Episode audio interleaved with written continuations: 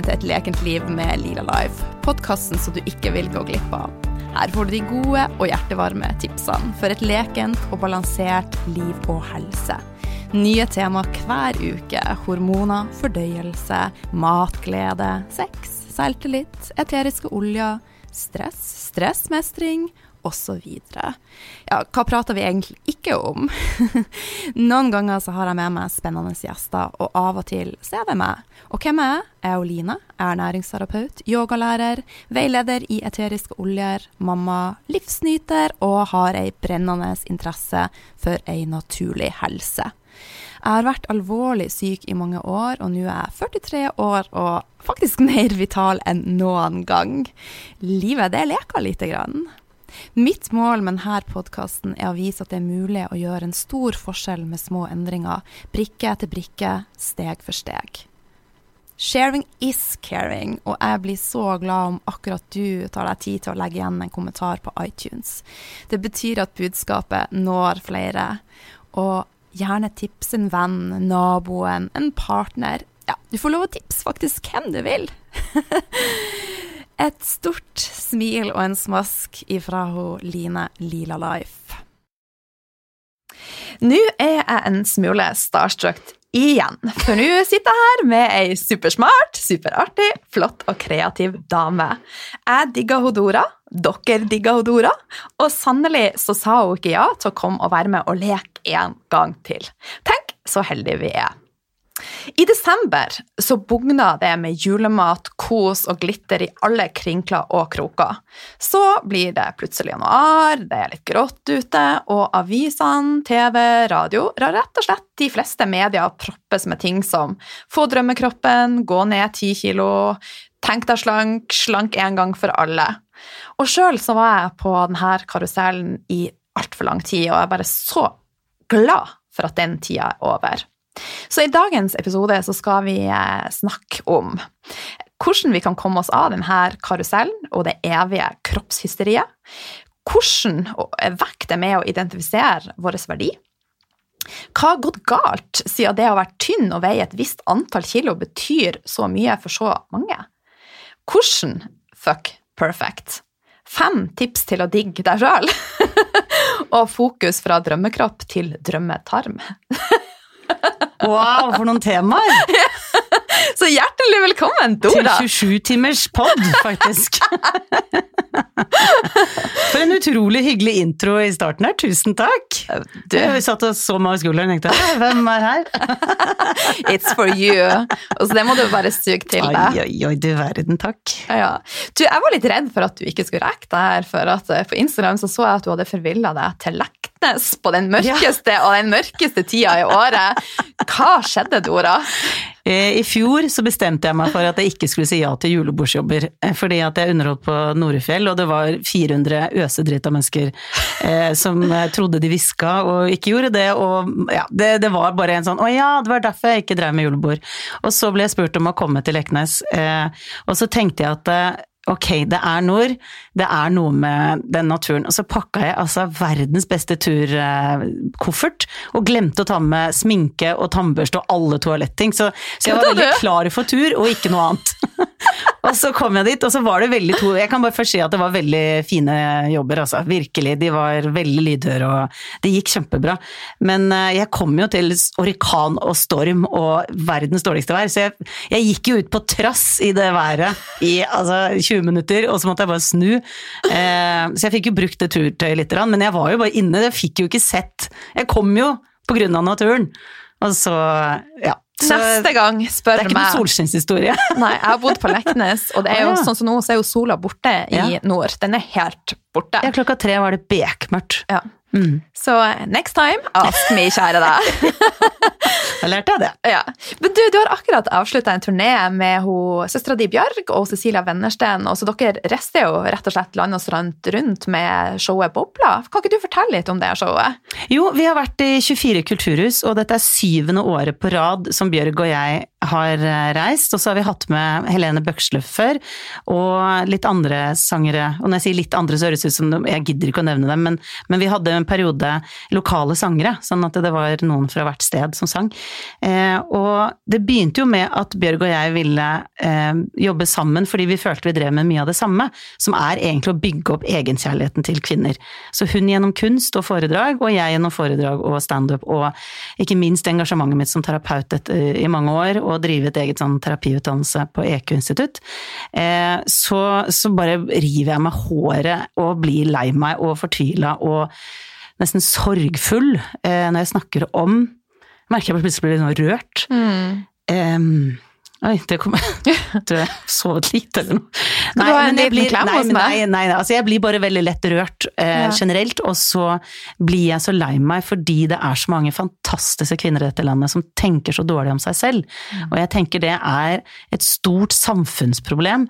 Den selvforakten mange sitter inne med, hvordan de snakker seg selv ned, hvordan de kritiserer seg selv i ett og alt, og de er så harde med seg selv. Og så er det dette med kroppen, hvordan de ser bare etter feil, da. Og jeg sier de fordi at jeg har jobba så mye med å bare like den jeg er og akseptere at jeg er den jeg er. Og selvfølgelig hjelper det jo med alder, det er jo det som er fantastisk med å bli eldre. Som er veldig undervurdert. Mm. Hvor deilig det er å bli eldre. Fordi at du begynner å senke skuldrene litt og tenke vet du hva, det løpet her er kjørt. Det er som det er. Det får ikke gjort noe med det. Og bare, det er ikke så farlig, på en måte. Og så legger du merke til at de du bryr deg om, du driter jo i om de er tre kilo eller fem eller 15 for mye, eller veldig tynne eller hva som helst. Det er jo så totalt uviktig. Mm. Så um, Og det betyr virkelig ikke en drit? Nei, så du begynte å spørre om bobler, og så sklei jeg helt ut der. Men, men det handla om at vi hadde litt felles engasjement. Og så var det helt tilfeldig at vi ble spurt om vi kunne gjøre noe sammen i forbindelse med Bjørgsen boble, lykkebobler, heter de, det kavaen som hun har. Og da het det Lykkebobler, det showet vi hadde. Vi trodde det skulle bare være én gang, og så ble vi spurt om å komme et annet sted, og året etter så var det noen sånne Women's Nights eller uh, Women's Weekend Det var liksom damearrangementer som spurte om hun kunne komme. Og så begynte det å bare etter hvert bli en greie vi gjorde på høsten. Så nå har vi vært eh, den lengste turneen vi har vært nå, 24 steder. Jeg var jo så heldig å få være med i Bodø på showet, mm -hmm. og jeg digga showet. Og jeg må si at du er jo rå. Altså, du sto på scenen, du kasta kjolen, det var kun deg, undertøy og noen glitrende høye hæler.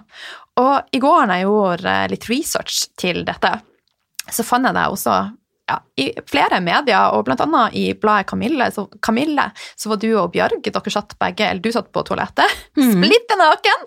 Og så var overskrifta 'Når man sitter og bøyer seg fremover, så detter jo klumper av valker ut'. Eh, dette med Altså, koster det noe å gjøre dette, og er det en selvfølge for deg å bare kaste klærne og ja, det, Hva driver deg? Du, det er eh, det, Nå høres dette veldig pompøst ut, men det er for sakens skyld så har jeg kledd av meg tre ganger. Ja. Eh, det er på scenen nå med dette bobleshowet her. Eh, som en sånn overraskelse, egentlig. For jeg har jo standup 30 minutter om kropp, hvor jeg tuller med Jeg begynner øverst, og så går jeg nedover mm. hele kroppen. Eh, og så ender jeg med Er det så utrolig farlig? Det er et skall, men vi har lært at vår verdi ligger der. Er det så utrolig farlig med den kroppen? Og så får jeg sånn ja, det, Folk er enig, og så overrasker jeg liksom folk med at jeg drar en sånn eh, Jeg har en sånn tråd, holdt jeg på å si, bak i kjolen som jeg drar i, og så bare tar jeg kjolen og går opp på et sånn På alle stedene så har jeg gått opp på et lite platå, eller sånn boks, da. Mm. For med en gang man går opp, så er det akkurat som nå har jeg noe viktig å si, og så har jeg da Do you hear, do you hear the people sing? som er en veldig pompøs sang. Ikke sant? Og så er det liksom lenge nok har vi gått rundt og følt oss ikke bra nok, og ikke pene nok, og ikke fine nok, og ikke slanke nok. Det er på tide med å gi deg selv et løfte i dag, og så får jeg alltid reise seg og legge hånda på hjertet, og så står det på skjermen én og én setning, og det er at jeg vil begynne å snakke fint til meg selv, jeg vil ikke lenger snakke meg selv ned. Så er det fem setninger da, som jeg får alle til å si. Eh, og det gjør meg ingenting. Altså, Overhodet ingenting. fordi at det er, For det første er det et ellevill applaus når jeg kler av meg, fordi at vi gjør det Vi ser jo en vanlig kropp så sjelden. Eh, og så er det Troverdigheten på det jeg sier, øker jo når jeg tar av meg, og det gjør meg ingenting, for det, for det første er det jo bare damer i salen. Ja, det var at, i hvert fall i Bodø noen menn. ja, det var noe, ja ja. Det er en liten håndfull. Det er noen menn som er der litt ufrivillig, og så er det andre som er mer frivillig. Men, eh, men eh, det er, vi har alle en helt vanlig kropp, og så tenkte jeg at hverdagskroppen syns altfor lite. Og så var jeg med på en kampanje for Sanitetskvinnene for å få merking av retusjert reklame. For at når vi ser en retusjert kropp, dvs. Si at kroppen er blitt endra på, så trenger vi å bli minnet om at denne kroppen fins ikke. For det skaper et skrudd bilde av hvordan en vanlig kropp ser ut. Så da kledde jeg meg av, eh, kledde av meg igjen, og så ble jeg retusjert. Sånn at de to var ved siden av hverandre. Og det, det sykeste er jo at det er jeg som ser rar ut, fordi at den retusjerte ser vi så mye av. Så jeg ser ut som Svampebob, altså sånn firkant ved siden av. Og så, og så er det den slanke midjen og den perfekte kroppen som Det sier jo litt om hvor Ja. alt er. Det er helt sinnssykt. Så det og Camille også, det var liksom det var liksom en helt kjente kvinne kler av seg, og jeg skjønte jo at de hadde ringt relativt mange da de spurte meg og Bjørg. Da tenkte jeg nå er vi helt på bånn av lista her. Nei, var du slett. Jo, ja, men dette her var Nå er jeg kanskje litt mer synlig, men da var, jeg ikke, var jeg ikke så synlig. Da, så sa jeg selvfølgelig, Ja. for jeg mener det jeg sier, og da kan jeg gjerne være med å fronte det. Og da satt jeg liksom bare med høye hæler på en do, sånn at man ser Det er jo den verste sånn profilbildet egentlig, når man bøyer seg fram sånn at de valkene syns. Så tenkte jeg at dette her er en vanlig kropp. Det er to, født to barn, lever et vanlig liv. Er ikke og trener hele tida, åpenbart. Eh, men det er en helt vanlig kropp, og sånn ser en vanlig kropp ut. Big deal. Det er ikke Det gjør meg ingenting. Men du, hvordan er ditt eget forhold til kropp? Jeg vil si at det er blitt bedre og bedre med årene. Jeg har også, sånn som du nevnte med Altså, jeg, jeg har aldri kastet meg på så mye slankekurer, og jeg vil takke moren min for at hun hun hadde en liten periode på 80-tallet, hun hadde sånn cottage cheese-kjøre. Hvor eh, hvis du spiste cottage cheese hele tida, hun holdt jo på å kaste opp etter to dager. Så da satt hun med cottage cheese og så på oss spise middag, og hun satt med den dumme boksen sin. Eh, og det holdt veldig kort tid. Eh, Det var det eneste. Så hun Jeg tror veldig mye da jeg tok familieterapi, så hadde jeg Jesper Juel som min hovedlærer, og han snakket mye om at Han tok den ene hånda fram, og så sa han mat, mæ, og så tok han den andre hånda som sa må. Og sånn henger det sammen, og så slo han hendene sammen. At ditt forhold til mat har veldig mye å si på hvordan moren din sitt forhold til mat var.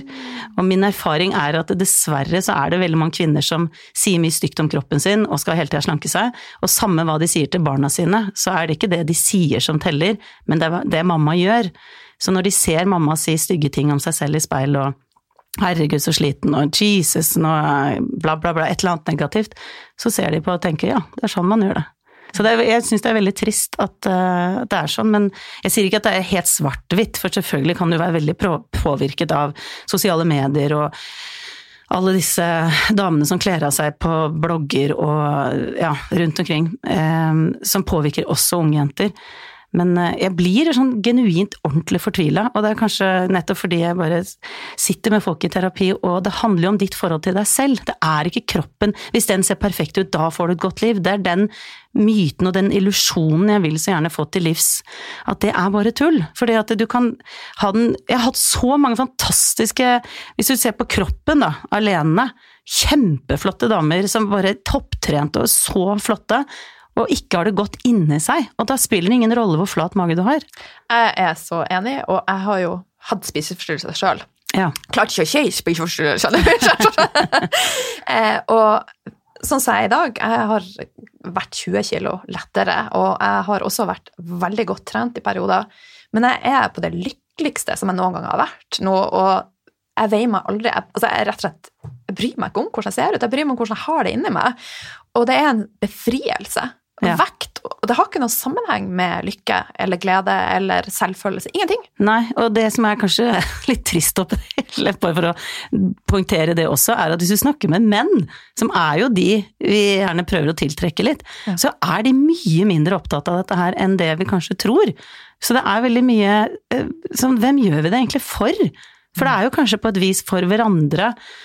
Men du, du går jo ikke og tenker på sånn om venninner eller andre damer, og det henger deg veldig mye opp i åssen de ser ut, og når du kler av deg på stranda og går i bikini og tenker masse på magen eller rumpa eller låren eller cellulitten eller hva det er, så er det jo ingen som bryr seg, for de er så opptatt av sin egen kropp og sin egen eh, ja, åssen de ser ut. Så det blir jo Hvis du hadde tatt et bilde av en strand og alle sånne tenkebobler, hva alle tenker, så er det jo ingen som driver og tenker på andre. Men det tror alle andre. Ja. At de bryr seg. Ja. Så det er så waste. Ja. Og det er derfor jeg har så lyst til å Jeg får så innmari lyst til å si sånn ikke sant, move on, eller jeg har lyst, til å bytte kapittel. For jeg føler at vi har vært så lenge i den boka om menneskehetens historie. Hvis vi tar norgeshistorien, da, så føler jeg at dette kapittelet har vart veldig lenge, hvor kvinner eh, har en mal som for det første ikke fins. Det er jo som å la, altså det er en papegøye som prøver å bli en jeg vet ikke, en dverghamster. Et eller annet sånn helt meningsløst. Det bare går ikke. Nei. Og så har jeg så lyst til å liksom, ok, og nå avslutta vi det kapitlet, og så begynner vi med noe nytt som handler om indre Hvordan du snakker til deg selv, og hvordan du eh, tar dine grenser på alvor, og dine behov, og er ærlig om deg selv. Altså den eh, sammenligninga du hadde med papegøye, og da skulle vi en liten Hva du sa kanar... Hamster eller noe sånt. Jeg vet da fader, et eller annet. Jeg eh, har ei som jeg følger, eller hører på podkast, og hun hadde altså, litt det samme i sitt eget liv. Og så I 20 år så prøvde hun å komme ned i en viss størrelse, og skulle komme også i en viss centimeter.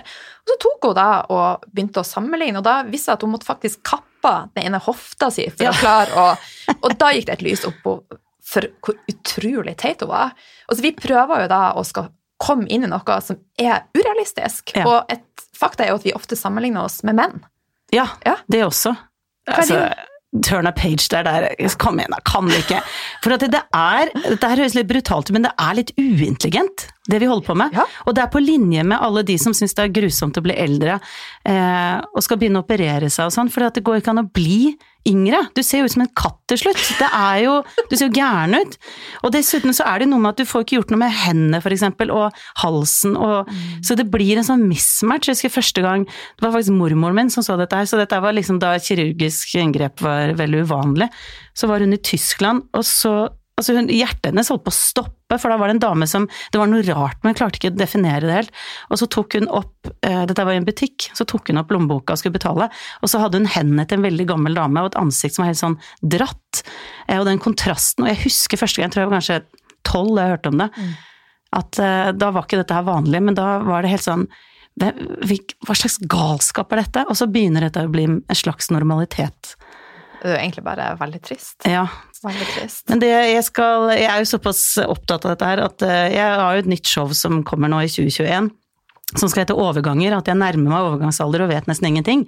Fordi at vi har klart, på toppen av alle disse kompleksene fordi at vi ikke ser ut som Barbie, eh, så er det dette med å bli eldre en uting. Eh, Sånn at det er tabubelagt, overgangsalder. Og bare det syns jeg det er et show verdig, fordi at det, hvordan har vi klart å gjøre noe som er halvparten av jordas befolkning faktisk opplever, og så har vi gjort det tabubelagt, så jeg vet så lite. Eh, fordi at vi skal ikke snakke om det, og det er hysj-hysj, og du er ikke fruktbar lenger, og uh, ikke sant, da skal du gå og skamme deg i en krok. Det er som å få mensen i 1812. At det er liksom sånn, ja, du går hjem deg, ingen vil vite om det, kanskje du dør, jeg vet ikke, det får du finne ut av. Eh, stues vekk. Det er, jeg var veldig fascinert og forundret over det, så jeg skal dundre på med overgangsalder nå. Det blir mitt nye prosjekt. Så i 2021 Ja, og så skal jeg skrive en bok nå i 2020 som handler om Bente som begynner i terapi, så du følger henne. med. jeg tenkte hun skulle være 50 og i overgangsalder. Sånn at jeg får liksom dobbelt opp her. Jeg var på et kurs eh, forrige lørdag i hypopressiv trening, og det går på å trene opp annet bekkenbunnen, for at veldig mange damer har jo det som heter fremfall. Altså Ja. livmora detter ned, og diverse ting. Men der prater vi litt om det, for det er så tabu, det også, og Ja. det med overgang. Det, det er jo helt. Kvinnekropp Ja. i det hele tatt. Alt som ikke er glatt og rent og Ja. lukter godt, er ekkelt. Mm. Og da er det jo ikke noe igjen av menneskekroppen, for den, det er jo snusk og rusk og rask tvers igjennom. Så la oss prate om alt. Om bæsj og tiss og livmor og ja. overgang og Ja, for det er jo bare en vanlig kropp. Det, vi går jo rundt og skjemmes, liksom, for å bruke et nordlandsk uttrykk, føler. Og det var Det å være med på det kurset der også var veldig sterkt, for, det var, for dette passer alle damer, og også menn. også. Mange menn får brokk, og det Mm. er rett og slett at vi har for svak muskulatur i, i bekken. Og, ja. Men det var damer der på 70-80 år som satt og gråt for at ingen har prata om dette, og det har vært tabu. Mm. Og i løpet av da noen få enkle øvelser fått endra livet sitt. Ja. Ja. Nei, det er eh, nedsunken livmor kan du få hvis ikke du driver med knipeøvelser, og det Ja. tror jo de fleste at de må gjøre rett etter fødsel, og så er det ferdig. Ja. Så det er en av de tingene jeg trenger å lese meg opp ganske mye på alle disse tingene. Men det er, men det er ganske tragisk. Jeg, ler, altså jeg tenker jeg, jeg, leser aviser, jeg følger med, og jeg ser ikke noe sted noe om dette. Mm. Og det er det jeg trenger. Vi trenger bare å Det er ikke det at vi skal liksom være side opp og side ned hele tida, men bare hvis alle begynner å åpne litt mer opp for det. For at alt som er skamfullt, slutter å være skamfullt når det begynner å snakkes om. Mm. Og jeg tenker, altså sønnen min på, da han var åtte, så visste han hva en tampong var. Ikke fordi jeg hadde sagt det, men han lærte det på skolen. Eh, som er jo bare helt fantastisk. Ikke sant? Og bare da blir det ikke så innmari sånn et eller annet sånn uh, uvisst, svær greie som ingen tør å nærme seg. Mm. Det blir normalitet. Ja. Og dette er normalitet, men Absolutt. vi har klart å gjøre det unormalt. Ja. Så nå gjør vi en viktig jobb. Vi skal gjøre dette normalt. ja, det er fantastisk at du har denne poden og bare drar fram alt mulig. Ja. Men du, du nevnte litt med det med alder. Eh, tenker du at det er en sammenheng mellom det å bli eldre og bli tryggere på seg sjøl? Er det liksom en lineær ting, eller må vi jobbe for det? Ja, eh, sånn generelt så sier jo nesten alle, alle som er 40 i 40-årene, sier at jeg har det bedre nå enn da jeg var yngre, for jeg er tryggere i meg selv. Mm. Og de som er 50, det er ikke måte på. Og hvis du snakker med de som er over 60, så er det da det begynner å bli moro. Og det som er gjennomgående, bare snakk med hvem som helst som er eldre enn deg, er følelsen av å lande litt i seg. Mm. Og være mer sånn tilfreds med den du er, og kanskje gi opp det prosjektet sånn som hun du snakket om, som skulle passe inn i den og den malen. At det blir en sånn Du kommer til et punkt Det er som å bare løpe og løpe og løpe, og så til slutt bare tenke vet du hva, nå tror jeg bare går litt. Dette her Det, er peset med å bli en du kanskje ikke er. Du lander litt Jeg er meg, og det er bra nok, og det er greit, og nå har jeg brukt så mye energi på dette her at jeg gidder ikke mer. Mm. Men jeg så også en, når jeg forberedte meg, en undersøkelse på ungdom. Og de sliter mer psykisk enn noen gang. Eh, og det, den undersøkelsen viste at 85% av jenter og 30% av gutter sier at de daglig opplever et eh, kroppspress. Eh, og det her er jo rett og slett trist og skremmende, så du jobber jo som terapeut. Mm. Er dette noe du ser i jobben din? Ja, og så har jeg en datter på 14 òg, som mm. jeg, jeg, føler jeg får litt sånn vite litt hva som mm. foregår i den verden. Og et eksempel var at de skulle ha svømming, eh, det er kanskje to måneder siden eller noe, og jentene grua seg så fælt til dette her, fordi at de var redde for å få kommentarer fra guttene. Men så kom den dagen hvor jentene hadde grua seg veldig. Og det hun fortalte som jeg syns også var absolutt like trist, var at guttene gikk og gjemte seg, og du kunne liksom se at de som var kanskje litt overvektige, de skamma seg så fælt og bare skyndte seg i vannet, og sånn at de jentene hadde, fant ut at å ja, det kommer jo ingen kommentarer, for de er jo stappfulle av komplekser selv. Eh, og jeg merker sønnen min er elleve, og eh, jeg husker en gang han sa at han ikke det høres litt utleverende ut, men jeg har spurt han om jeg kan få lov til å bruke det som eksempel. Og da han var ni, så ville han ikke ta av seg T-skjorta, husker jeg, vi var et sted. Eh, og så sa jeg men det er jo så varmt, og er det ikke deilig å ta den av? Og så til slutt da, så sa han at men jeg har ikke så store muskler. Og da var han ni. Eh, wow. Og da trengte jeg virkelig å prate med han en del. Ja. Og, så jeg tror at det kommer fra så mange hold, og jeg tror for eksempel det at uh, hvis du ser på filmer med superhelter, så har de kropper som også egentlig ikke fins. Det fins kanskje tre mennesker i verden som er så store og så muskuløse og svære, men det er de som er superheltene. Mens da du og jeg var yngre, så var jo Hva het han, han der uh, Moore? Han er James Bond. Hvis du ser kroppen til Supermann, da, ja. så har jo den vært ganske normal og vanlig og ikke noe spesiell inntil liksom, relativt nylig, da hvor det er så ekstremt høyt nivå, og så ekstre, alt blir så ekstremt, da. Og det samme med disse sexmodellene, altså de som er mest sånn sexy. Um, det, det, ligger så enormt jobb bak, og sånn Victoria's Secret-modeller som sier at de spiser ikke og bare trener og lever på et gresstrå altså, Det er jo flere som kollapsa, og ja, ja. i fjor var det en som døde. Ja, ikke sant? Motorshow. Ja. Under et motorshow. Ja. Det, jeg, leser, jeg, leser, ikke så mye, men det var i hvert fall en modell som døde og datt om på scenen. Borte vekk. Fy fader. For hva, liksom? Mm. Og dette her skal være rollemodellene, så jeg tror bare at eh, Også en annen ting som jeg tror også har påvirket veldig mye unge nå i forhold til før, er at hvis du ser på media, så var det sånn at eh, eh, hvis vi tar 50-tallet, da, så var det kanskje den peneste i bygda, eller der du bodde, som var girl next door. ikke sant? Hun var litt penere enn de andre, men hun var en vanlig person, og det var hun du så. Mm. Eh, og så hadde du Marilyn Monroe, kanskje, som et slags ideal, da, men hun var liksom litt langt unna, og det var ikke bilder kontinuerlig av henne. Eh, og så har vi fått massemedia, og det kommer i reklamer, og det kommer på TV, og det kommer i, eh, på nettet, det kommer overalt, og filmer overalt de peneste i verden, egentlig, som er blitt liksom plukka ut fra kriker og kroker i hele verden, og samla som et slags sånn representativt utvalg av her er pene mennesker. Men de er jo ikke representative i det hele tatt, så derfor blir du fora, ikke hun peneste i bygda som du ser av og til, men du ser kontinuerlig de vakreste og mest trente og mest ekstreme. Og det skaper den der illusjonen om at å ja, jeg er ikke så pen, ergo jeg er stygg, eller jeg så, har ikke så fin kropp, ergo er kroppen min mindre verdt, for den er ikke så fin. Og så, og så hauser vi også opp, ikke sant, pene damer. Eh, til en viss alder, ikke sant? 32 eller noe sånt, da er liksom gått ut på datostempelet eh, ganske klart. Så det er, det er bare Altså det, det der kapitlet, altså, det har vart så altfor lenge. Mm. Det er, tenker Hvis de hadde kommet fra en annen planet hit, og vi skulle ha sagt at ja, Kim Kardashian, det er hun som vi har liksom som et sånn ideal, og vi driver og fylles opp av komplekser og holder på så hadde det vært så flaut å være og fortelle om det, for det virker bare så shallow. Ja, det... det... er dette vi driver med, dette bruker folk energi på. Men en av de tingene som jeg har gjort, for jeg er veldig bevisst på dette, det er at jeg rett og slett unngår å eksponere meg sjøl for dritt. Ja. Sånn at jeg, jeg slutter å se på de her verste kanalene som kan gi meg et sånn lite stikk av denne følelsen. Og, men i går, når jeg satt og leste, så måtte jeg jo det, leste, det var så mye sykt, og da var det en av de her pluss-size-modellene som i mine øyne ser fantastisk mm. ut. Og hun veier liksom eh, hausa opp, og folk bøyde seg i støvet for at hun var så tøff som mm. torde å være i badedrakt med cellulitter. Det er jo helt fantastisk. En vanlig kvinne, med andre ord. Ja. ja. Og det er bare, altså, Hva har gått galt? Hvordan har verden klart å bli så tullete?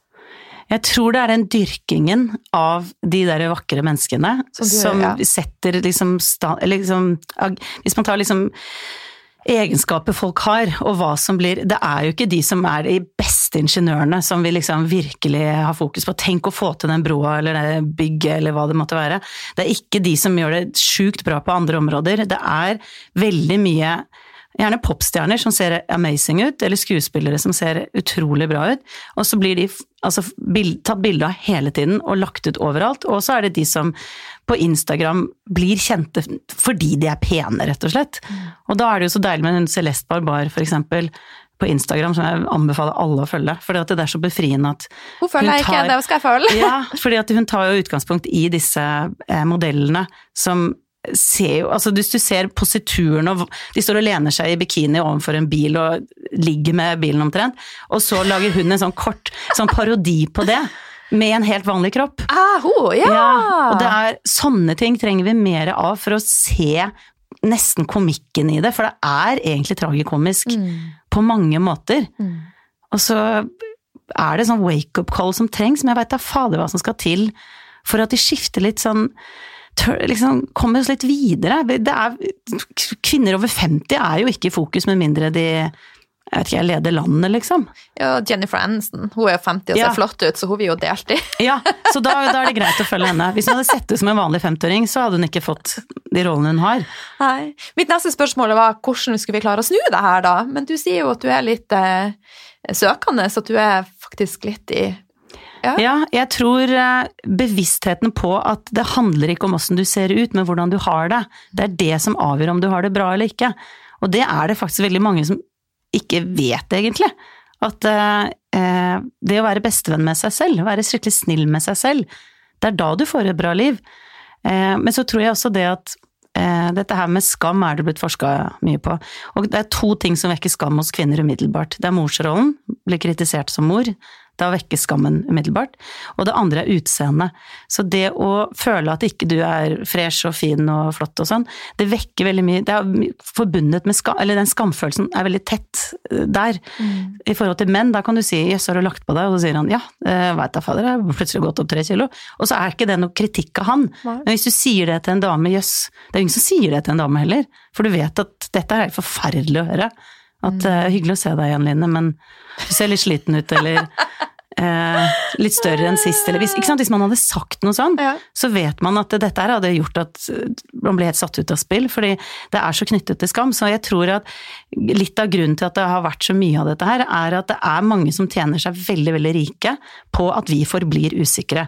For jo mer usikre vi er, jo mer kjøper vi alt mulig slags ræl i tro om at da blir vi finere og penere og flottere og mer verdt å elske og Ikke sant. Det er jo forbundet med ønsket om å være tiltrekkende og akseptert. Eh, sånn at jeg tror det er en sånn litt sånn dårlig spiral. Sammen med sosiale medier tror jeg påvirker også veldig mye. Eh, og det mediefokuset at de pene er de som får plassen og mikrofonen opp i ansiktet til en som er 22 og har en blogg, mens noen som er 60 har mye mer å komme med, gjerne. Men det er eh, Men det vil forherligelsen. Bare tenk at en som kun lever på sitt utseende, det vil jo stort sett et blaff, da. For at det er jo ikke noe som varer for evig. Sånn Nei. at eh, ja, vi får Ja. tenke litt større enn som så, og eh, ja. Og det er ganske tøft å ha identiteten sin knytta til utseendet, for jeg har hatt også flere i terapi som blir eldre, og jeg kjenner også andre Jeg har jo venninner som liksom var de vakreste og peneste og hadde så draget og Det var ikke måte på hvor vakre de var, og så blir de trebarnsmødre kanskje, eller eh, eldre, rett og slett. Da. Og så merker de at de kan gå forbi en byggeplass uten at noen, snur seg, og eh, de er ikke så hotte lenger som de var. Og da raser jo veldig fort selvbildet, fordi at hvem er jeg da? Når jeg ikke er hun pene. Det var hun jeg var i så mange år. Så det er ikke, jeg må bare si at det er ikke noe lett å være det blaffet. Nei, det skjønner jeg også. Og, ja. jeg, hvilket fundament skal jeg stå på nå? Ja. Du, du var inne på det med kjøpsvaner og shopping, og en annen artikkel som jeg kom over, der hadde du uttalt det holder nå, vi vil ikke ha kunstige damer mer, vi vil ha en ekte kropp, så enkelt er det. Og det var i forbindelse med en kampanje i forhold til ja, shoppemønster. Ja, det som skjedde var at jeg stilte opp med den eh, Jeg hadde en idé, og så snakket jeg med Sanitetskvinnene om det. Og så sa jeg vi trenger å få retusjert, merking av retusjert reklame. Og så var de veldig med på det, for dette er jo veldig ånden til Sanitetskvinnene gjør så mye bra, det vil jeg bare si. For de har jo fokus på kvinners helse, og dette er uhelse for kvinner. Det er fokus på kropp. Eh, og så tenkte, så var jeg med på dette her, og da var det jo, det var jo, hva var det, 390 000 som så den videoen hvor kroppen min da ble retusjert. Wow. Eh, Som er jo veldig, veldig høyt tall, og kjempefornøyd med det. Men så eh, ble det veldig naturlig at vi trenger å gjøre noe mer, så da satte Sanitetskvinnene i gang under, underskriftskampanje. Fordi man, en gang man passerer 25 000 underskrifter, så blir det mer sannsynlig at det blir tatt opp videre. Så Bent Høie fikk jo da, hva var det, 28 eller 29 000 underskrifter, 1000 underskrifter eh, som eh, gjorde at det, i Oslo nå så er det jo blitt bestemt at det skal være merking av retusjert reklame. Og i Trondheim, tror jeg, eh, lurer på om det er én by til. Nå husker jeg ikke Bergen, kanskje.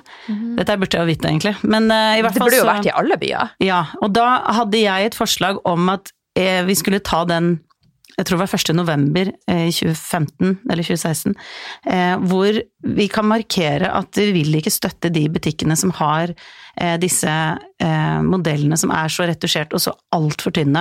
Bare én dag å markere at dette her gidder vi ikke være med på mer.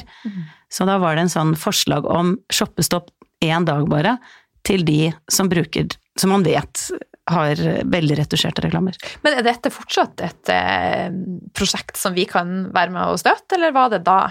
Nei, det var veldig i forbindelse med underskriftskampanje og få Ja. liksom blest rundt det og sånn. Ja. Eh, Det var jo såpass mange som skrev under og sånn, så jeg var veldig positivt. Men, men det er et eller annet med at når du har gitt fra deg de underskriftene, og eh, det skjer jo noe, så, still, så kommer det noen andre ting som tar plassen. Og så har jeg blitt eldre selv og nærma overgangsalder, så nå har jeg på en måte fått litt sånn nytt fokus på at jeg syns at det er veldig mye aldersdiskriminering, og at vi eh, Jeg tror kanskje det, det jeg er kanskje mest fascinert av, er den derre skam og tabu rundt kropp. Eh, og når du blir eldre, så skjer det jo mye med kroppen. Og, og når jeg liksom satt meg litt inn i dette her, så er det jo jo, du legger jo gjerne på deg, gjerne rundt da den alderen, overgangsalderen er i, som du ikke vet skyldes det. Eh, Du har jo en ny tenåringstid, så hormonene går jo helt bananas. Så noen er dypt deprimerte, og så kan de være rasende for filleting, og så skjønner de ingenting, for ingen snakker om dette her. Eh, og dette her kan jo, du kan jo fremdeles ha mensen og ikke skjønne at dette her er overgangsalder. Så det er det jeg er så fascinert av at hvordan, mens, altså det, det er jo bare gynekologer og de som jobber fast, noen fastleger, jeg sier noen, for jeg har hørt om også fastleger som kan ekstremt litt om det, eh, besitter noe kunnskap som alle burde kunne. I hvert fall de som er midt i det. Ja. Fra verden har dette blitt hemmelig? Nei, det er ganske uforståelig, men for meg er dette det som interesserer meg mest. Sånn Ja. at eh, du må bare bli venninna mi, så skal jeg lære deg alt. ja, ja. For det For er det- masse med mat også du kan regulere. Og, Ja, og så er det også eh, faktisk vi damer, vi har eh, en syklus som går over 28 dager, menn har som går over ett døgn. Eh, og det meste i samfunnet er lagt opp etter den maskuline syklusen. Så igjen, vi er tilbake til at alt er lagt opp etter en mann. Det ideale, kroppsidealet vårt. Sånn at vi går gjennom fire sykluser, vinter, høst, sommer, vår, som svinger enormt. Så det er en hel vitenskap. Vi blir påvirka av månen. Eh, ja. ja. Så det, det er så fascinerende. Ja, det er kjempefascinerende, men jeg føler at For du spurte liksom hva kan vi gjøre, og jeg føler at eh, du og jeg og alle andre som roper litt og snakker og bruker mikrofon og skriver og er liksom på ballen, det er jo med Det er jo det som skal til. Det er bevisst, økning av bevissthet rundt noe. Ja. Så jeg tror eh, så lenge vi bare hoier og roper, så, så Vi kan det rope være- masse. Ja, og så få med andre på det, da. Ja. For drømmen er jo at du sitter ved lunsjbordet og kan snakke med noen kollegaer om Framfall. kroppen, eller eh, ja, alle disse syklusene og ja, alt som skjer. Ja. At vi liksom Det er bare så rart! Jeg, jeg er fremdeles der at jeg er litt sånn Why? Hvorfor? Hva, hvordan har vi klart å lage vanlige ting med kvinnekropp så ekkelt? Og det er jo fremdeles noen som syns det er veldig ubehagelig å kjøpe bind og gjemmer det under avisen og matvarer. Og så er de 47, liksom. Fordi at det, den i kassa, å, nå får de vite, liksom. Altså, det, det er veldig det er rart. Men du, hvis du skulle gi andre lyttere altså noen tips, fem tips til å, bare booste egen selvfølelse og det å være glad i seg sjøl, hva vil Ja. de tipsene være? Du, det første er jo hva du sier til deg selv. Fordi at med en gang du har gjort noe du kanskje ikke er helt fornøyd med, eller en dag som er litt dårlig, legg merke til din, indre dialog. Det er liksom det første. For veldig mange driver og ser seg i speilet, eksempel, leter etter feil, eh, snakker seg selv ned. Så det første er å gjøre noe med din indre dialog, og det går an å gjøre det, endre på det, men du trenger å være litt bevisst på eh, hvordan du snakker til deg selv, og så gjerne knipse litt og vifte bort negative ting, og erstatte det med eksempel 'jeg gjør så godt jeg kan', eller 'jeg lovte å være meg', oppbyggende. Så, så det er liksom det første, for det er jo det reisefølget du har resten av livet, er jo deg. Det er jo bare én person som er med deg hele livet, og det er deg selv. Og hvis du da har en som bare negger og kritiserer og er kjip, så blir det et veldig kjipt liv. Så den eh, indre dialogen er jeg veldig opptatt av. Og så er det det å si nei når du mener nei, det gjør noe med selvrespekten din. Og det er utrolig mange som finner seg i veldig mye drit eh, uten å våge å lytte til seg selv. Så det er også et sånn skritt i å ta mer plass i ditt eget liv. Rett og slett være nummer ett i ditt liv, og ikke nummer 57, som mange er. Ehm, og så, skal vi se, dette kom litt brått på, jeg må bare tenke meg om. Nå har vi kommet til to. Ja. uh, jo, og så tenker jeg det med å ta tid til seg selv, fordi det kvinner er veldig opplever veldig ofte, særlig barndommen når mønstrene blir skapt, er jo at hvis du er veldig raus og snill med andre, da er du verdifull. Så det veldig mange gjør, er at de setter Jeg var litt innpå det i stad også, setter, setter andre først, men eh, det å ta tid til seg, fordi at vi, vi skal liksom være så Det er veldig mange som aldri har vært på ferie uten barna noen gang, eller aldri reist vekk uten å liksom tilrettelegge for kanskje syke foreldre eller et eller annet, men det er noe med den derre å ta tid til deg, og da mener jeg liksom relativt ofte å ha fast dag i uka eller fast kveld som er min. Hvor jeg fyller mitt batteri, og gjør ting som For det føler jeg menn Hvis de har spilt bandy, og så blir kona gravid, så fortsetter de å spille bandy uten nesten opphold i det hele tatt. Men veldig mange kvinner driver med ting, og så får de barn, og så slutter de i 18 og et halvt år med ting som kanskje ga dem glede før, men som de på en måte ikke prioriterer, da. Så jeg tror det med egentid er eh, veldig undervurdert. Og om det så bare er å være for deg selv, lese en bok for den saks skyld, men bare å ta, sette av tid til deg. Gjøre ting som gir deg påfyll. Eh, da var jeg oppe i tre. Ja. Her blir du satt til test. Ja, ja, ja. Nei, jeg bare Jeg kommer jo på flere ting. Jeg bare tenker at jeg må prøve å ta dette her eh, Eh, og så har vi da nummer fire, vi nevner i fleng. Eh, så er det vel det at eh, i og med at vi var litt innpå kropp her, så er jeg veldig glad i ordet akseptere. Eh, fordi at det å akseptere er å bare godta. Og når du eh, kanskje går rundt og er misfornøyd med valken eller rumpa eller hva det er, så er det noe med at den dagen Du kan skrive hashtag aksept på speilet ditt, og bare jevnlig minne deg om at sånn er det. Og det er helt greit. Fordi at den det opp, jeg føler at sånne veldig mange blader som har den der hotte dama på forsiden og sånn blir du slank og sånn går du ned, sånn som det blir veldig mye av i januar, egentlig heter de bladene du er et jævla oppussingsprosjekt som aldri kommer i mål. Det er jo det de bladene egentlig heter. Ja. Eh, sånn at det er noe med den eh, eh, At hvis du hele tiden leter etter at sånn skal jeg se ut og sånn skal jeg se ut, så får du et ganske tungt liv. Men å akseptere at sånn er det. Det er gen genetikk som avgjør veldig mye åssen kroppene ser ut. Og selvfølgelig er det noe med at hvis du trives bedre med å være litt slankere, så, så spis litt mindre og beveg deg litt mer i en periode, og greit nok. Men den kontinuerlige kritikken, da er det veldig mye bedre å akseptere. Nå er vi kommet til fire, frøken. Fire. Da, hva vil jeg si er det siste? Det vil jeg si er eh, på å øke selvfølelsen. Og rett og slett være glad i egen kropp. ja, eh, nei, ja, jeg tenkte på dette med å, å få det bra, så jeg var på Tony Ro eh, Robbins, Anthony Robbins, eh, fire dager i London. Vi var 12 000 mennesker, alle gikk åtte meter over glødende kull for å lære om tankens kraft, som var veldig fascinerende. Men eh, en av de tingene han snakket om, som jeg også tror veldig på, er Eh, og det høres litt sånn hardt ut, men det er raise your standards.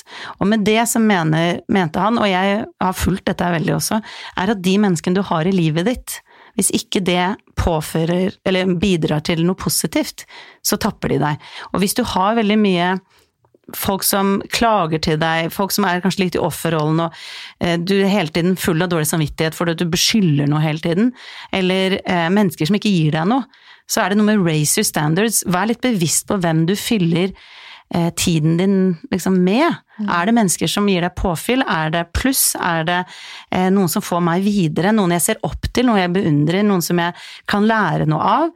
Eller er det de som jeg blir dratt ned? Det er noe med å heve litt standarden på de mennes menneskene som er i livet ditt, for veldig mange har mennesker som drar dem ned, rett og slett. Da. Så den eh, Utrolig jeg viktig tema, og det skal jeg Ja. faktisk spille inn egen podkast om i morgen. Nei, skal du det? Mm. Å, perfekt! Mm. Så var- spennende. Å, det gleder jeg meg til å høre. Ja. Ja. Så det er jeg blitt veldig bevisst på, på sjøl, Mm. å luke ut mennesker som Ja. drar meg ned og suger energien min. Og det kan også være familiemedlemmer, for at eh, man er ikke forplikta til å være med mennesker som gjør livet ditt bedrittent. Nei, det er nettopp det, men mange tror at Det er mange som sitter i passasjersetet i bilen som kjører i livet ditt, og det er noe med å sette seg i sjåførsiden og tenke Vil jeg ha Er det et pluss eller minus? Og så fylle den bilen med Tenk deg så mye bedre liv det blir. Ja. Men det, det som er at vi er jo vokst opp litt med at da er du egoistisk, og du må ta hensyn, og, som er å ta veldig mye sosialt ansvar. Det er veldig mange oppdratt til. Men det handler om å ta personlig ansvar. Det vil si at jeg er god på å ta vare på meg, for da har jeg også mye mer å gi. Det er den berømte oksygenmaska på fly. Ta på deg selv først. Og du orker jo ikke så mye hvis du hele tiden blir dratt ned. Da har du ikke så mye å gi heller. Og så er det mange som er kanskje i vennskap med noen som de syns synd på, eller som er jo litt uærlige også, for da er du ikke der fordi du ønsker det. Du er Det er ikke helhjerta. Og hvem vil være venn med en som egentlig ikke har lyst til å være sammen med deg? Det blir jo veldig feil. Det blir helt feil. Mhm. Ja. Ehm, jeg nevnte litt det med at få bort fokus fra drømmekropp til drømmetarm. Ja! Dette blir jo litt sånn Der kan du si mye mer fra, enn meg. fra mitt perspektiv, for at det som har vært min erfaring, er at når jeg begynte å ta vare på tarmen min, det høres litt usexy ut, men det er også litt sånn tabubelagt, eh, så har ting også falt mer på plass. Eh, For at det kommer mer og mer forskning på at 80, så mye som 80% av hvordan vi har det, styres av tarmen. Ja, Blant det er annet- høyt tall. Ja, signalsubstansene serotonin. Serotonin er jo med å gjøre at vi har det bra. Og det produseres i tarmen. De fleste tenker at det produseres i hodet. Ja, ja det visste visste jeg ikke. Nei, så det er, nå er det litt sånn lila læring her. ja. ja. Ja. Og så har vi også noe, vi er jo styrt av bakterier i kroppen vår, og de meste av bakteriene florerer i tarmen vår, og de kan gjøre at vi faktisk craves. de er ute Jeg bruker å se, late som at det er en dyrehage. Hvis du har en dyrehage med masse sinte, dårlige dyr, og så har du eh, det som har overtaket, da, så roper de etter sukker. De, de vil ha dritmat, rett og slett. Ja. Så det er så mange ting som er med og påvirker, og det påvirker også hormonene våre. Så Ja. det, det henger sammen. Og etter jeg klarte å snu det her i hodet mitt fra å bort ifra det her kroppshysteriet, men å ta vare på meg sjøl innvendig, så har brikkene falt mer og mer på plass. Ja. Og fra å være et hormonmonster, for det var jeg virkelig Ja, var det det? ja, jeg var, PMS, eller hva tenker du på? var på? illsint ofte. Ja. Hadde ikke så mye med syklus å gjøre? Bare generelt sint? Eh, Jo, med syklus også, men jeg var ute av balanse, rett og slett, og hadde et elendig forhold til egen kropp. Ja. Så med det har det å være snill med, med tarmen min, men det er også, igjen, det, er veldig, det har vært lite prata om, eh, så det er også et av målene mine med podkast. Rett og slett få drømmetarmen. Ja, men det var kjempebra innspill, og jeg kan altfor lite om det. Men det, i, i min verden, så, som ikke har så mye fokus på tarm, eh, så er det jo veldig mye fokus på selvfølelse og øke den. Ja. Og det jeg tenker er at eh, den skal, altså Selvfølelsen din etableres først og fremst de første seks leveårene. Det er de viktigste årene i ditt liv. Da dannes emosjonell intelligens, altså hva du tenker om deg selv. Og så kan dette endres på selvfølgelig når du blir eldre, men da er grunnmønsteret lagt. Og hvis du har god selvfølelse, hvis du har lært at jeg er verdifull som den jeg er, så vil du også ta valg. Alle dine valg er i samsvar med hva du syns om deg selv. Så hvis du har høy grad av egenkjærlighet og liker den du er, god selvfølelse, så vil du også spise. Du tar valg som du vet er bra for deg, fordi du syns du fortjener det. Så hvis du har lav selvfølelse og tenker mye dårlig om deg selv og av ulike grunner, eh, så vil du også ta mye mer destruktive valg. Det vil ikke være så vanskelig å ta en hel sjokoladeplate eller drikke to flasker vin på styrten omtrent, eh, fordi at det er i samsvar med min verdi. Så derfor er, eh, tenker jeg også at hvordan du har det og hva du spiser henger fryktelig tett sammen, sånn som du sier. Eh, og så tror jeg veldig på, og jeg kjenner flere som har fått veldig økt livskvalitet eh, av endring av matvaner og spising og ja, kosthold. Det Som gjør tarmen. Gladere. Ja. Og seg selv gladere. Ja. Men eh, Dora, hvis hvordan skal vi få bort det her hysteriet nå, som gjerne kommer i januar, og så går det i sykluser, og det er gjerne mandager, eh, og så er det veldig mye skip skippertak. Mm. Så hvordan skal vi rett og slett klare å legge lokk på det her?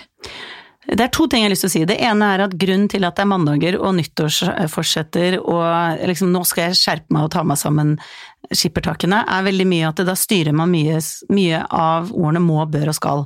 Det er sånn pliktord, ta seg sammen. Nå må jeg begynne å spise sunnere, jeg bør begynne å trene, og nå skal jeg virkelig få et ny ikke sant, sånn og sånn. Eh, og da styres du ikke av hjertet ditt, eller liksom ditt indre. Du, du er på å levere og liksom gjøre det riktige. Mens det som gjør at ting endres, er fordi du vil. Og jeg regner med at du endret veldig mye av ditt kosthold, for eksempel, og sånn. Så var det en indre drive. Det var ikke fordi at noen påla deg det, eller noen sa må det, bør det. Eller jeg vet ikke, kanskje det var det, men eh, Nei, det var- Men det var en indre sånn nå vil jeg ta tak i det. Så jeg er veldig opptatt av det ordet vil. Og hvis du merker etter nyttår at du har et voldsomt Nå skal jeg begynne, må jeg løpe maraton, og nå bør jeg gjøre sånn og sånn. Kjenn etter vil jeg. For det er der nøkkelen ligger på endring i livet. Om du vil. Virkelig vil. Eh, Sånn at det var det liksom første i forhold til det med skippertak og sånn. Og det andre er at du sa her i stad at eh, jeg har rett og slett slutta å følge de Se på meg i bikini og se på meg her. Den der klassiske foran speilet med litt rumpa til Åh, jeg vet jeg blir så flau. For jeg tenker Åh, så tenk at dette holder vi på med. Oppegående, smarte damer som bare legger seg på så lavt nivå for å vise seg fram, for å få noen likes, for da føler de seg mer verdt. Men det er noe sånn det er. Men i hvert fall så Du velger jo også litt hvor mye du orker og vil ta inn. Så det å, for min del så bare blar jeg rett forbi alt sånt. Ja. Ja, og nå ser jeg at de er i gang igjen med De har jo bare snudd bunken fra i fjor med de samme slankeoppskriftene. og Det er jo det de gjør. og det absurde sånn som Hjem og Ukeblad og sånn, er jo at det er kakeoppskrifter og eh, slankeoppskrifter sånn annenhver side gjennom hele. At det fremdeles, altså På forsiden, de deiligste kakene, høstens beste kaker, og så sånn går det ned ti kilo. Altså rett ved siden av hverandre. Og så holder vi på med det. Det er bare Ja, Hva det- skjedde? Ja. Men nå, vi skal snu dette, Ja. Dora. Det er bare Kom med, slutt å mase! Kos deg hvis du vil av og til! Utover det, ta vare på deg selv, vær snill med deg selv. Så lenge ting ikke er fanatisk, for da slutter man å ha livsglede.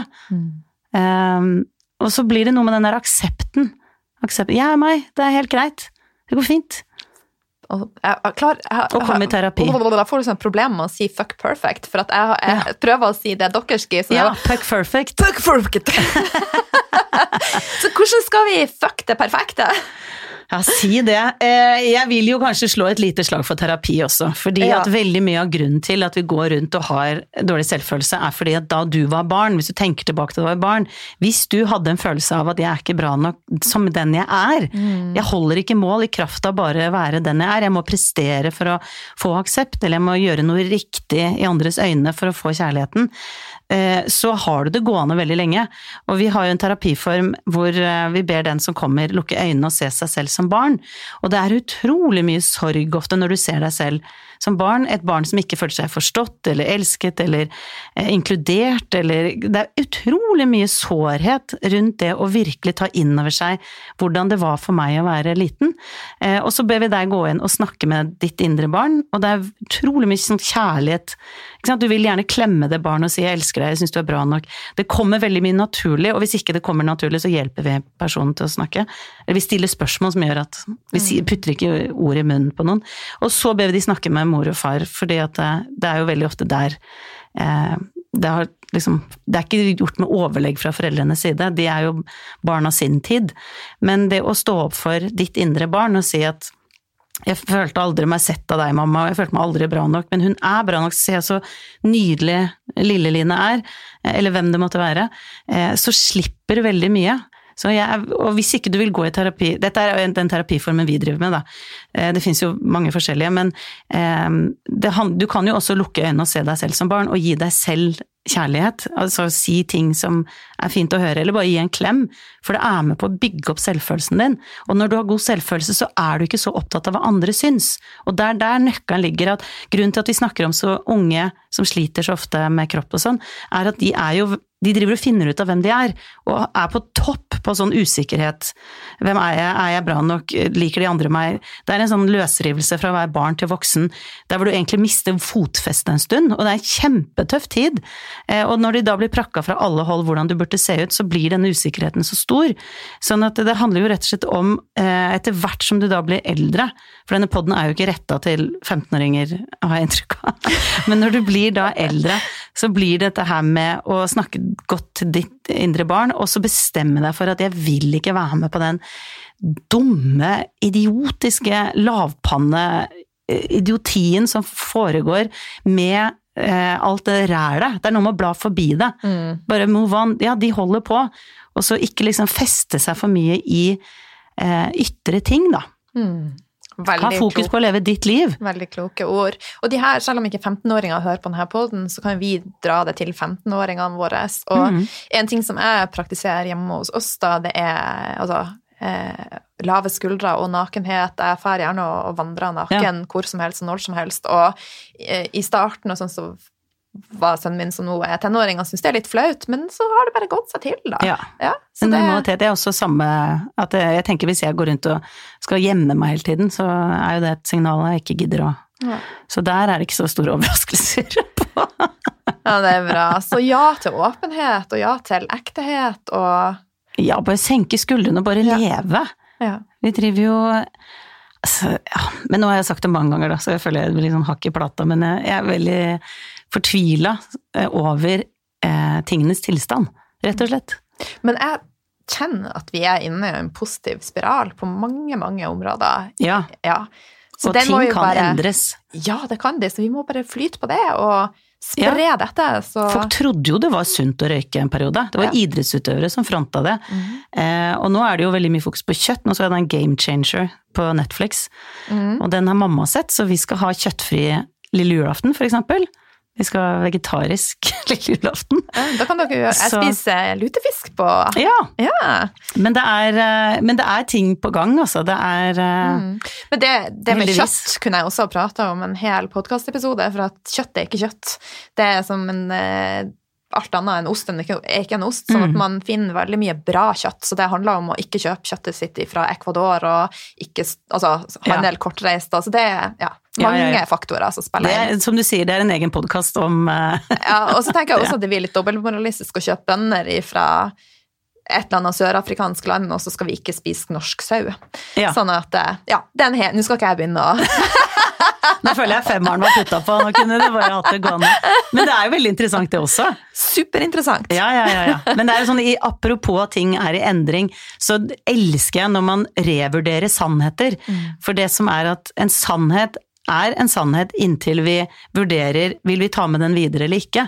Og vi har hatt veldig mange sannheter om hvordan en kvinnekropp skal være, som er litt sånn definert jeg veit da fader, fra moteindustri, fra folk som vil selge oss produkter, og hvis vi bare har et ideal som er veldig høyt, så strekker alle seg etter det, og så kommer ingen i mål, og da har vi det gående med at de kjøper alt mulig slags anti-age-drit og masse holder på.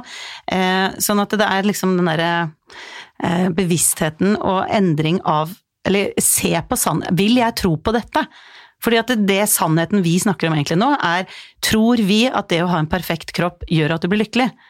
Og så vet vi nummer én at det finnes ikke en perfekt kropp. Det finnes jo Husker du var en eller annen, et eller annet blad, jeg husker ikke Det Nye eller et eller annet, som intervjua liksom tre kjempe Tone Damli og to andre, og da var overskriften 'Ja, vi er også komplekser'. Eh, og da tenkte jeg sånn Ja, altså fra topp til bunn så er alle stappfulle av komplekser. Ja, sorry Det er ingen som er fornøyde. Nei. Og det er liksom Ja. Move on.